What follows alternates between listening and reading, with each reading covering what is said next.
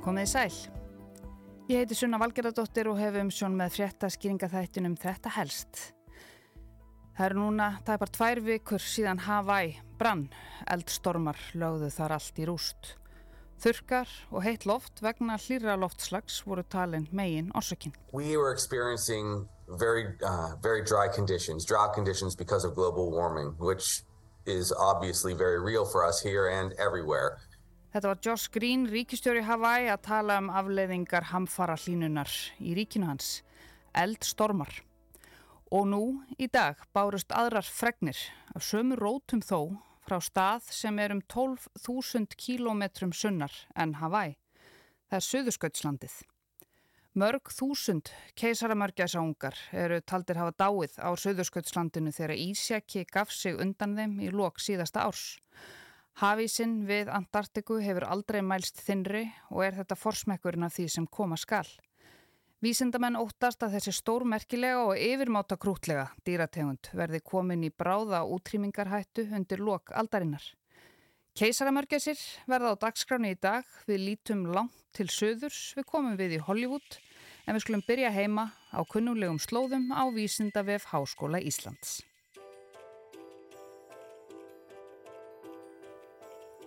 Keisaramörgæsin er ein af átján tegundum mörgæsa sem finnast á söður kveli jarðar og er stærst þeirra. Fullortnir fugglar geta verið alltaf 120 cm á hæð og vega 21-40 kg. Keisaramörgæsin er önnur tveggja tegunda mörgæsa sem lifa bara á söðursköldslandinu, hinn tegundin er Adeli mörgæsin. Kvennfuglarnir verpa eggjum og skilja þau eftir hjá karlfuglinum sem halda á þeim heita yfir veturinn í hörðustu veðrum sem þekkjast á jörðinni án þess að nærast. Hittastíð yfir köldustu mánuðuna getur farið niður fyrir 60 gráður á Celsius í mínus. En af hverju heita mörgæsir mörgæsir er spurt. Jón Már Haldorsson lífræðingur er til svara og segir að heitið sé væntanlega tilkomið vegna líkamskerðar dýrana. Elsta þekta dæmið um heitið mörgæs á þessu einkennistýri Suðursköldslandsins er að finna í tímaritinu fjölni frá 1847. En eins og lesendur vísindavefsins vita þá eru mörgæsir búlduleitir og óflegir fuglar enda holdarfar þeirra ekki vænlegt til mikils árangurs í hálóftunum. Keisaramörgæsir geta haft alltaf 30 cm þygt fytulag eða mör undir húðinni til þess að verjast köldu umhverfinu. Eitt helsta enginni mörgæsa er mikil innanfitta og hún gerir þeim kleift að lifa í köldu umhverfi. Mör þýðir innanfitta og áreindar oftast við um fytu sem liggur um innibli en getur einnig átt við fytulag undir húð.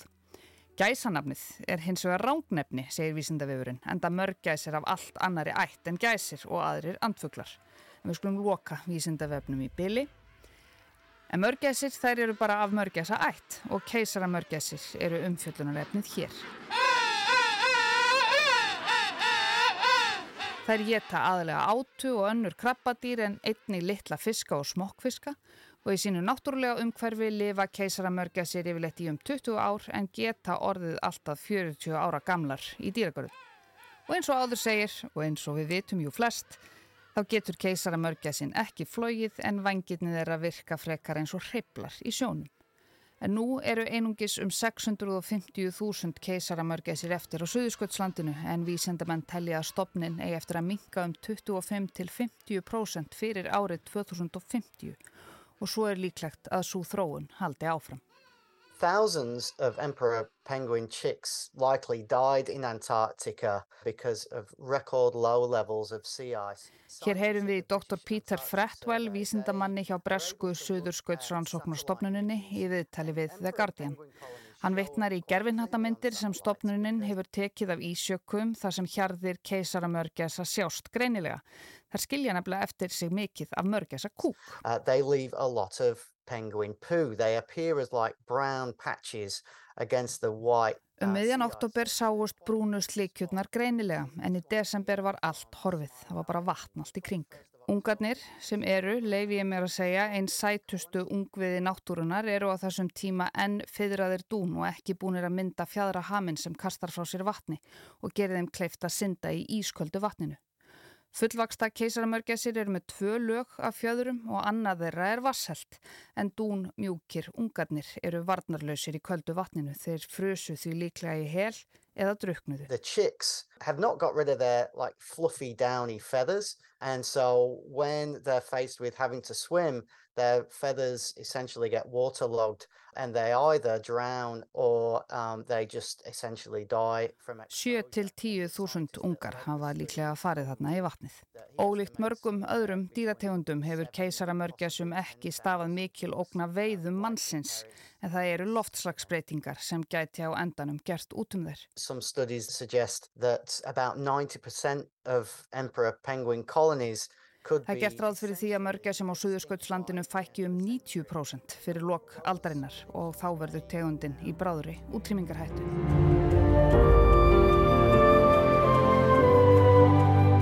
En það er ekki auðvelt að vera keisaramörgjas jafnvel án loftslagsbreytinga. Það varð fordæmalauðs fækkun mörgjas á unga á síðasta ári þegar stór hluti varpsins misfórst og ungarnir komist ekki á legg. Þetta er fullkomlega ömurlegt, segir Frettwell við Guardian og bætir við á honum hafi verið verulega bröðið við fregnindar. Það sé erfitt að hugsa til þess að þessi sætu, dún, mjúku ungar hafi horfið þarna í hafið og svona margir í einu. Ætli við tökum ekki bara undir það með honum. En þetta eru ekki bara ótrúlega krútleg og falleg dýr. Keisaramörgæsir heldur eru þau líka alveg stór merkileg. Það eru nú liðið næstuði 20 ár síðan hinn merka mynd franska leikstjórans Luc Jacquet March of the Penguins, ganga keisaramörgjasanna, kom út. For 20 days and 20 nights, the Emperor Penguin will march to a place so extreme, it supports no other life. Ég held að þetta hafi alveg öruglega verið Morgan Freeman sem las þarna undir stikluna fyrir eina vinsælustu heimildarmynd sem hefur verið framleitt. Fridrik Páll Jónsson, hann fjallaði um leikstjóran franska og myndina sjálfa í speklinum í ágúst þarna 2005 fyrir nákvæmlega átjón árum síðan. In the harshest place on earth, love finds a way. Ganga keisaramörgjasana hafði nefnilega slegið all hressilega í gegn. Jacquet var þarna nýkomin til Íslands til þess að vera viðstattur frumsýninguna hér eftir að hafa sínt myndina í yfir 2000 kveikmyndasölum Vestanhafs. Hann er að verða 38 ára, býr í Littlu Þorpi í Grend við Líón og laug prófi við háskólan þar í líffræði dýra og í umhverjusfræðum. 24 ára árið 1992 fór hann til rannsókna á Suðursköldslandinu og reyfst mjög af stórbrotnu landslægi og mörgjasónum. En þá vaknaði líka laungum hjá honum til þess að miðla þessu til annara og þegar heim var komið skiptanum vinnu fór að gera heimildarmyndir fyrir sjónvarp. Mörgæs... Þetta er alveg mögnuð mynd þar sem lífslaup mörgæsana er rakið. Á hverju hausti yfirgefa þau öryggið sem þeim er búið í hafinu og ganga í 20 daga til að velja sér maka, búið til börn og sjá svo fyrir þeim við ótrúlega krefjandi aðstæður. Mörgum mánuðum síðar snúa þær aftur til sjávar og síðan gera ungarnir það sama. Dvelja í sjónum í fjögur ár og þegar þeir eru orðnir fullornir þá fylgja þeir sama minstri og mamma og pappi. Einn hópur í bandaríkjónum, kristnir hægrimenn tóku myndina til sín, töldan að lýsa gildum sínum svo sem fordfísi foreldra og treyð maka. En hvað segir leikstjórin um þessa tólkun? Je pense que d'abord, un, il faut se méfier de l'effet de zoom Euh, procurer. C'est une partie marginale de l'audience qui a, qui a pensé ça. Euh, la deuxième chose, je condamne très fermement l'idée de faire du prosélytisme avec, avec un film, une œuvre d'art quelque part. Je trouve ça intellectuellement malsain, même si chacun a le droit de penser ce qu'il veut, même si moi j'ai pas voulu donner de grille de lecture sur ce film-là, je veux pas qu'on se serve de ce film-là pour faire de, de, de la politique, de la religion, peu importe. Ça c'est une chose. Ég vil fyrst segja að það var aðeins lítill hluti áhörvenda sem leitt svona á myndina. Í öðru lagi fordæmi í einalega þá hugmynda hægt sé að stunda trúbóð með kvikmynd listaverki. Vitrænt þykir mér það óheilbrygt, þótt hver, hver og einn hafi rétt til þess að hugsa sitt. Ég vil ekki að listræn mynd sé notuð í pólitískum eða trúarlegum tilgangi. En svo tel ég að fólk sem hefur viljað benda á einkvæni mörgæsi hafi ekki tekið rétt að dæmið. Mörgæsir eru með sama maka en bara ári í senn. Árið eftir breyta þær um maka. Það eru svona 80-90% skilnaðir hjá þeim. Þetta hefðu menn átt að hugsa aðeins betur, segir Luksjakke. Helstagakrinni vísindafólks var svo að dýrin eru mögulega manngerð úr hófi fram. Þau eru látin vera aðeins of lík mannfólkinu. Þau eru bara alls ekkert lík mannfólkinu, þetta eru fugglar, þau eru líkari þröstum en okkur. Þó að mörgja sér lappi á tveimur fótum og blaki vangjónum ekki höndunum eins og klunali lítil börn. La la la la la la la Oh, ok. La la la la En þetta er Happy Feet. Þetta er ekki heimildamind, þetta er teiknimynd og hún kom út árið 2006. Hún var ekki gaggrínt fyrir að mann gera mörgjasinnar, hún sló bara í gegn. En það er alveg aðeinslega skemmtileg, hún fjallar um Happy sem kunna ekki að syngja eins og allar hinnar mörgjasinnar hafa bara góður í öðru.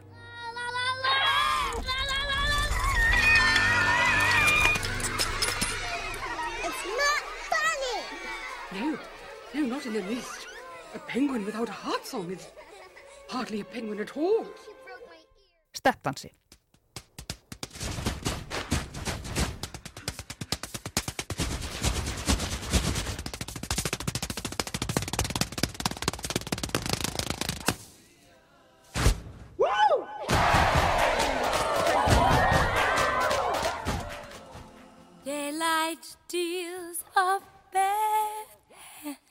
Voru sleggjurnar Elijah Wood, Hugh Jackman og Nicole Kidman sem gerðu mörgjasinnar í Happy Feet mannlegur hófi fram og sömu leiðist þau Robin Williams og Brittany Murphy heitinn. En við heyrum hér undir í þeirri síðasnemdu. Ég heiti Sunna Valgeradóttir og fjallaði í helstinu í dag um keisaramörgjasinnar á Suðurskautslandinu. Ég ætla að leifa listafólkinu Luke Jacquette og Brittany Murphy að eiga að loka orðin í þættinum í dag. Orð sem eru nú orðin meira en 18 ára gömul og ég þakk ykkur fyrir að leggja við hlustir. Þegar Luksjaka er rindur eftir því hvort hann hafi áhyggjur af mörgjasónum þá segist hann hafa áhyggjur af jörðinni allri, hlínun andrumslóttsins. Röðin komi hugsanlega síðasta mörgjasónum og þó séu merki þess að hlínun breyti hafströmmum við Suðursköldslandið og þar með lífskilirðum mörgjasana. Je crois que, je crois que c'est une révolution qui nous attend de notre pensée, de notre manière d'exister sur la planète. Je crois qu'on est notre société est malheureusement sur un modèle de consommation et de, de, consommation de plus en plus intense, alors que chacun sait que l'écologie, la première loi de l'écologie, c'est de vous apprendre que les choses fonctionnent par équilibre, par équilibre tempéré. Et je crois qu'on ne va pas pouvoir continuer à courir comme ça éternellement derrière l'énergie, continuer à consommer. Mais c'est tellement un modèle de pensée, un modèle intellectuel, même un modèle de vie pratique, dont moi je suis le premier à ne pas appliquer les règles, qu'il va nous falloir je ne sais pas combien de générations. Mais de toute manière, on ne pourra pas continuer comme ça parce qu'on n'aura pas les ressources pour ça. Ég tel að byltingar sé að vænta í hugsun og í háttum okkar í því hvernig við lifum á jörðinni. Þjóðfélag okkar miðast við miður við neyslu sem eikst stöðugt en allir vita að í umhverfisfræðunum er það höfuð atriði að hlutinni séu í jafnvægi. Ég tel að við getum ekki stöðut hlaupið á eftir orkunni og haldið áfram neyslunni. Við verðum að tilenga okkur aðra þjóðfélagsgerð og það mun taka kynsluðir. Hvernig sem á það er litið þá getum við ekki haldið áfram á sömu braut vegna þess að það verði ekki auðlendir til þess.